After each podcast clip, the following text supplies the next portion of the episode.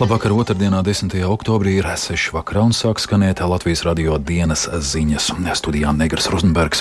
Daži temati, kas izskanēs turpmākajās minūtēs. Vairākās Latvijas skolās šodien saņemti identiski draudu e-pasti, taču policija aicina nesatraukties. Izraela veica intensīvus triecienus Gazas joslai. Turcija modina palestīniešus un izrēliešus nolikt ieročus.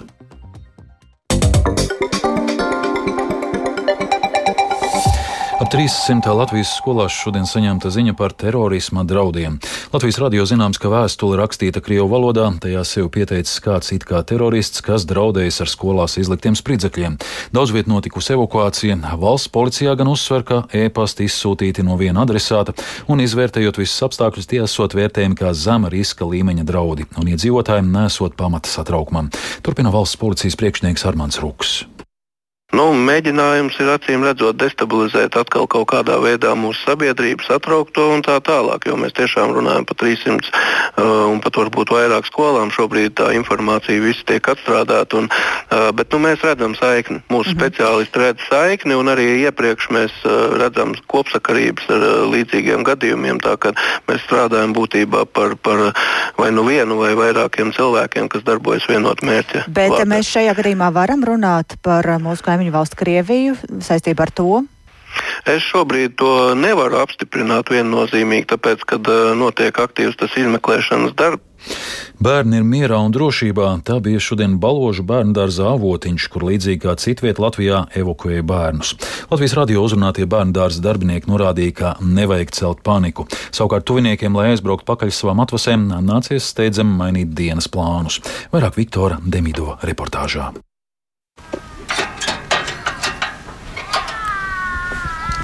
Bērnu dārza teritorija ir pilnīgi tukša. Nav neviena ne bērna, ne vecāka, ne arī audzinātāja. Logi lielākoties ir aizvērti. Dodos meklēt, kur tad ir vecāki ar bērniem un audzinātājiem. Pie bērnu dārza avotiņš, kas atrodas baložos, piebrauc pašvaldības policijas mašīna. Tajā pat laikā pie manis tuvojas kāda sieviete. Un jūs būtu audzinātāji? Vadītāji. Nu, mēs ar jums sazinājāmies. Jā, bet jums jābrauc uz Čakau. Tur taisa rīcības plānu šobrīd, kā rīkoties šajā situācijā. Es saprotu, bet, teica, bet uzdevums man ir cits. Man tagad ir cits kā uzdevums. Man jālaiž iekšā policija, lai pārbaudītu drošību. Kāds no vecākiem pasaka, ka bērni ar audzinātājiem sapulcējušies pie baložu kultūras nama, kas atrodas aptuveni 100 metru attālumā. Tur sastopu sešus enerģiskus bērnus, kuri skraida apkārt vairākām sievietēm, kas noskaidrojās ir bērnu dārza audzinātājas. Nav ko paniku celt, viss mierīgi. Izgājām ārā, pateicām, mēs ejam pastaigāt ārpus bērnu dārza un viss. Kā vecāki atsaucās? Nu, malači, malači atsaucīgi. Jā. Atbrauca pakaļ, savāca bērnus, viss bija labi. No aptuveni 300 bērniem šodien ieradās 230, tā saka bērnu dārza medmāsa. Pēc saņemtās aizdomīgās vēstules audzinātājiem bija norādīts nepanikot. Sākumā bijām tur tālāk no tām dzīvojamām mājām, tad lēnām virzījāmies atpakaļ. Pēc palikušajiem bērniem ierodas viņu tuvinieki. Vecstāvs Aleksandrs ieradās paņemt savu mazmeitu. Viņš stāsta, ka saņēmis zvanu no dēla, kurš nevarēja ierasties. Nu, bespredel, Tas ir kaut kāds ārprāts. Viss ir ļoti juceklīgi. Nevar saprast, kas notiek, jo tas nenotiek tāpat vien. Tas kādam ir vajadzīgs. Varbūt grib destabilizēt situāciju. Pēc diviem bērniem nevarēja ierasties arī māte, kura ir skolotāja. Bērnu dārzniekiem pakaļ ierodas viņu krustmāte. Nu, pirmās domas, protams, kāds kāds ir pajokojies, ja, bet, kad palasīja, ka tas notiek, cik es saprotu, jau ļoti regulāri, un policija šo vērtē kā zema riska incidentu, mēs nekad nevaram zināt, vai tiešām viņš ir zema riska, un vai visi vecāki ir gatavi savus bērnus atstāt skolās un uzticēties policijas vērtējumu. Viktors Demidovs, Latvijas radio. Valsts kancelējas strateģiskās komunikācijas koordinācijas departamenta vadītājs Rihards Bambals šodien Latvijas radio atzina, ka notikušais bijusi mērķtiecīga akcija. Tādām provokatīvām provokatīvām, provokatīvām darbībām šobrīd esot labvēlīgs fons, tomēr iecerētais nav izdevies, jo visi dienesti un sabiedrība rīkojās mierīgi un pārdomāti. Tie seko pēc šiem Hamas barbariskiem iebrukumiem Izrēlā, turpinās joprojām Krievijas iebrukums Ukrajinā. Cilvēki jau ir gan redzējuši kara šausmas pēdējā laikā un spēj gan reāli pārcelt kaut kādus šādus vai līdzīgus notikumus, iedomāties, ka tas varētu nu, tikpat reāli notikties arī šeit pat. Otrām kārtām izvēlētais mērķis bērni, to drošība, tas ir sensitīvs, zināmā mērā patētīgs, lai mēģinātu radīt maksimālas jukas. Un es to noteikti vērtētu kā tādu mērķiecīgu akciju, kad tas nav bijis mērķēts vienlaicīgi pat tik daudz skolām. Un mērķis šādām provokācijām ir sēt bailes, radīt paniku. Iespējams, mērķis ir bijis arī testēt mūsu sabiedrības un valsts institūciju reakcijas, un savā ziņā arī destabilizēt mūsu, atraut mūsu resursus un laiku no ikdienas pienākumu pildīšanas. To, ko mēs esam novērojuši informatīvā telpā, ka Latvijas sabiedrības reakcija uz ziņām par šo skolu potenciāliem spridzināšanas draudiem kopumā vērtējums mierīgi. Šie mērķi, lai kādi arī tie bijuši, šiem provokatoriem īsti jau sasniegt viņus nav izdevies. Tā valsts kancelējas strateģiskās komunikācijas koordinācijas departamenta vadītājs Rihards Bambals.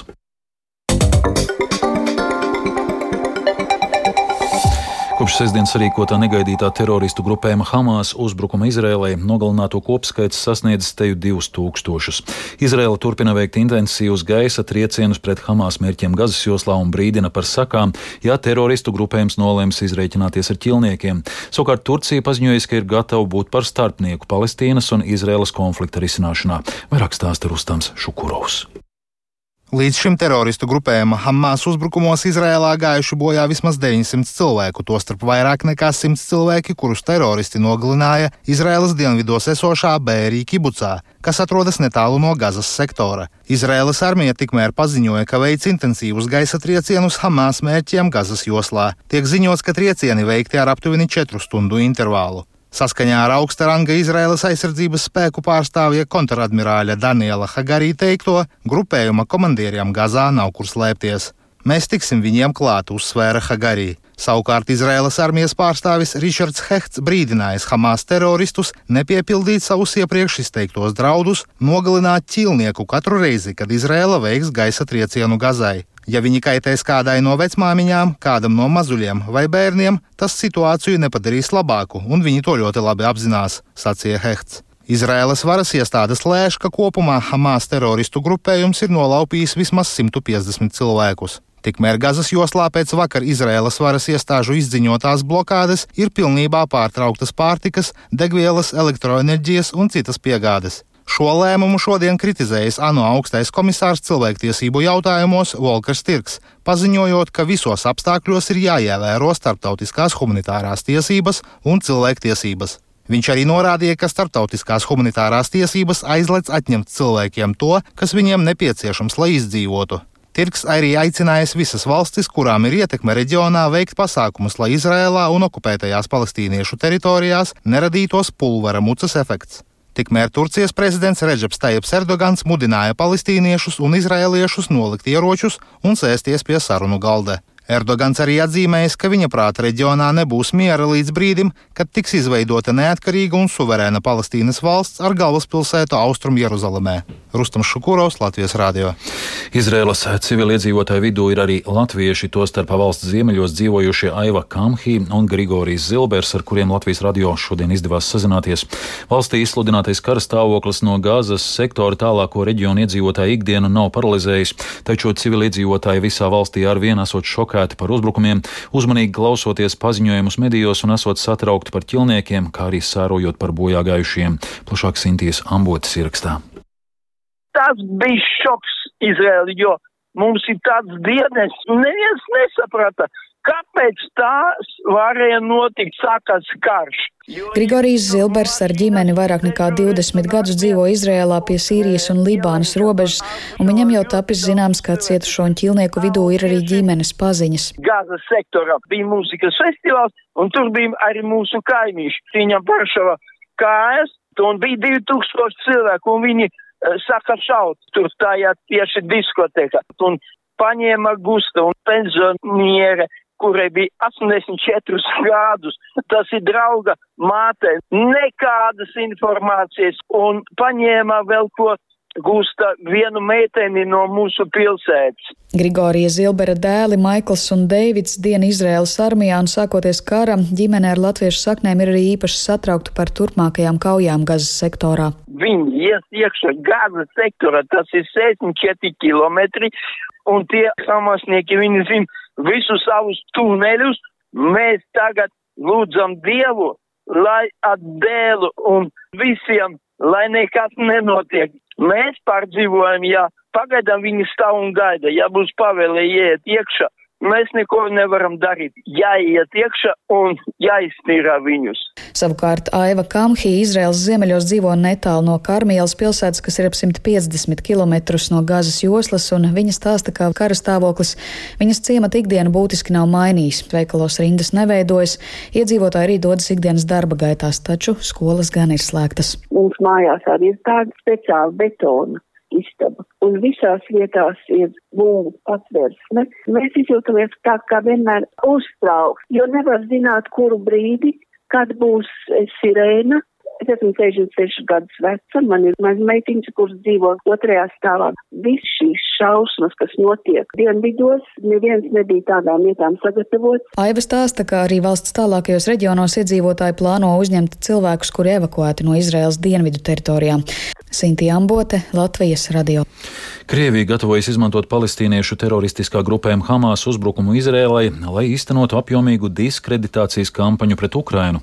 Ar šādu brīdinājumu klajā nākus Ukrainas aizsardzības ministrijas galvenā izlūkošanas pārvalde. Turpinā Latvijas radio korespondente Ukrainā Indra Sprānce. Krievija varētu būt nodevusi Hamas kaujiniekiem ieročus, kas iegūti kā trofejas Krievijas iebrukuma laikā šeit, Ukrainā, un šie ieroči ir ražoti ASV un Eiropas Savienības valstīs. Ukraiņu ieskatā nomalnošanas kampaņas ietvaros varētu parādīties nepatiesas apsūdzības pret Ukraiņiem par rietumu ieroču tirgošanu teroristiem. Taču tā viss esot Kremļa dezinformācijas kampaņas sastāvdaļa, kopējais mērķis būtu diskreditēt Ukrainas bruņotos spēkus un panākt ārvalstu militārās palīdzības apturēšanu Ukrainai.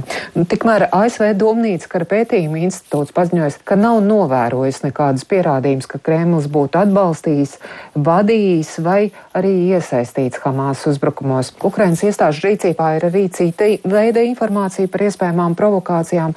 Jau šodien pēcpusdienā tiek ziņots iespējamām viltus karoga operācijām Baltkrievijā ka, lai palielinātu Baltkrievu atbalstu Krievijas militārajam iebrukumam Ukrainā, iespējams, ka Baltkrievijā pie robežas ar Poliju notiek uzbrukums piemēram kādai naftas bāzei. Ukraina turpina pret uzbrukumu, un Ukrainas bruņoties spēki ziņo par sekmēm Melitopolis virzienā un citviet Zaporīžas apgabalā. Savukārt Krievija turpina ignorēt starptautiskās tiesības, tā aizvien īsteno uzbrukumus ne tikai pa Ukrainas karaspēku pozīcijām, bet arī pa civilo infrastruktūru.